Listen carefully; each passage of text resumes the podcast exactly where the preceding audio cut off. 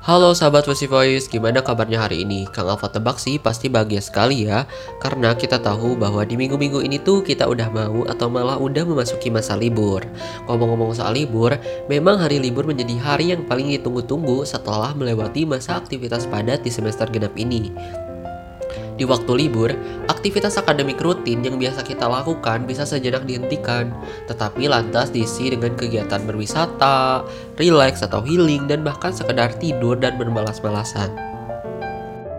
Dalam Islam, libur atau istirahat dari melakukan kegiatan itu dianjurkan oleh Allah Subhanahu wa taala, di mana Allah Subhanahu wa taala berfirman, "Dan adalah karena rahmatnya Dia jadikan untukmu malam dan siang, agar kamu beristirahat pada malam hari dan agar kamu mencari sebagian karunia-Nya pada siang hari dan agar kamu bersyukur kepadanya."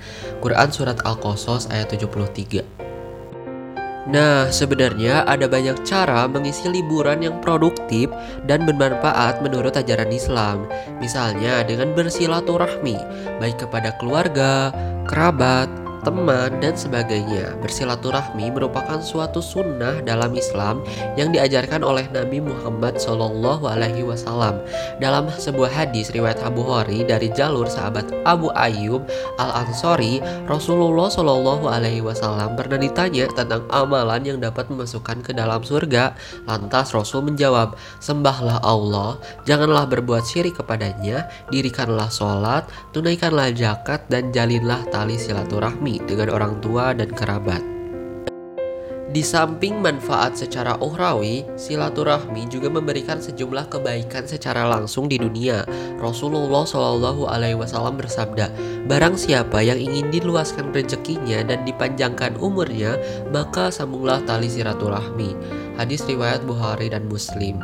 Atau bisa juga nih sahabat Fusi Voice mengisi liburan yang bermanfaat dengan melakukan perjalanan dan rekreasi. Hal ini juga disarankan dalam Islam sebagaimana firman Allah Subhanahu wa taala dalam surat Al-Mulk ayat 15 yang artinya Dialah yang menjadikan bumi itu mudah bagi kamu, maka berjalanlah di segala penjurunya dan makanlah sebagian dari rezekinya dan hanya kepadanya lah kamu kembali setelah dibangkitkan.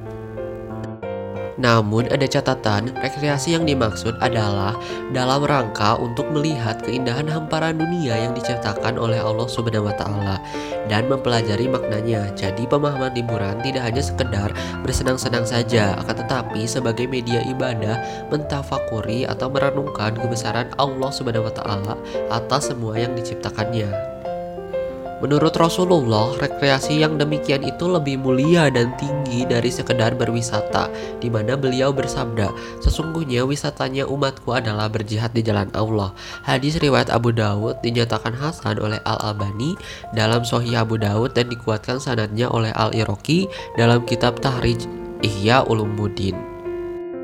Mengisi waktu liburan dengan jalan-jalan atau rekreasi dikutip dari buku Kumpulan 101 Kultum tentang Islam karya M. Quraisy Shihab dijelaskan menurut Imam Syafi'i setidaknya juga akan ada lima manfaat yang dapat diperoleh yaitu mengenyahkan gelisah, meraih kehidupan, ilmu, adab, serta pertemanan.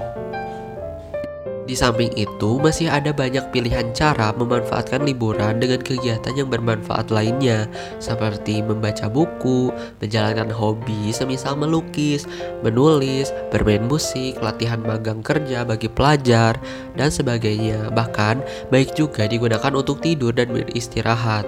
Namun tentu, jangan sampai lantas berlebihan berhari-hari hanya sekedar tidur dan bermalas-malasan saja, karena dalam Islam itu dilarang.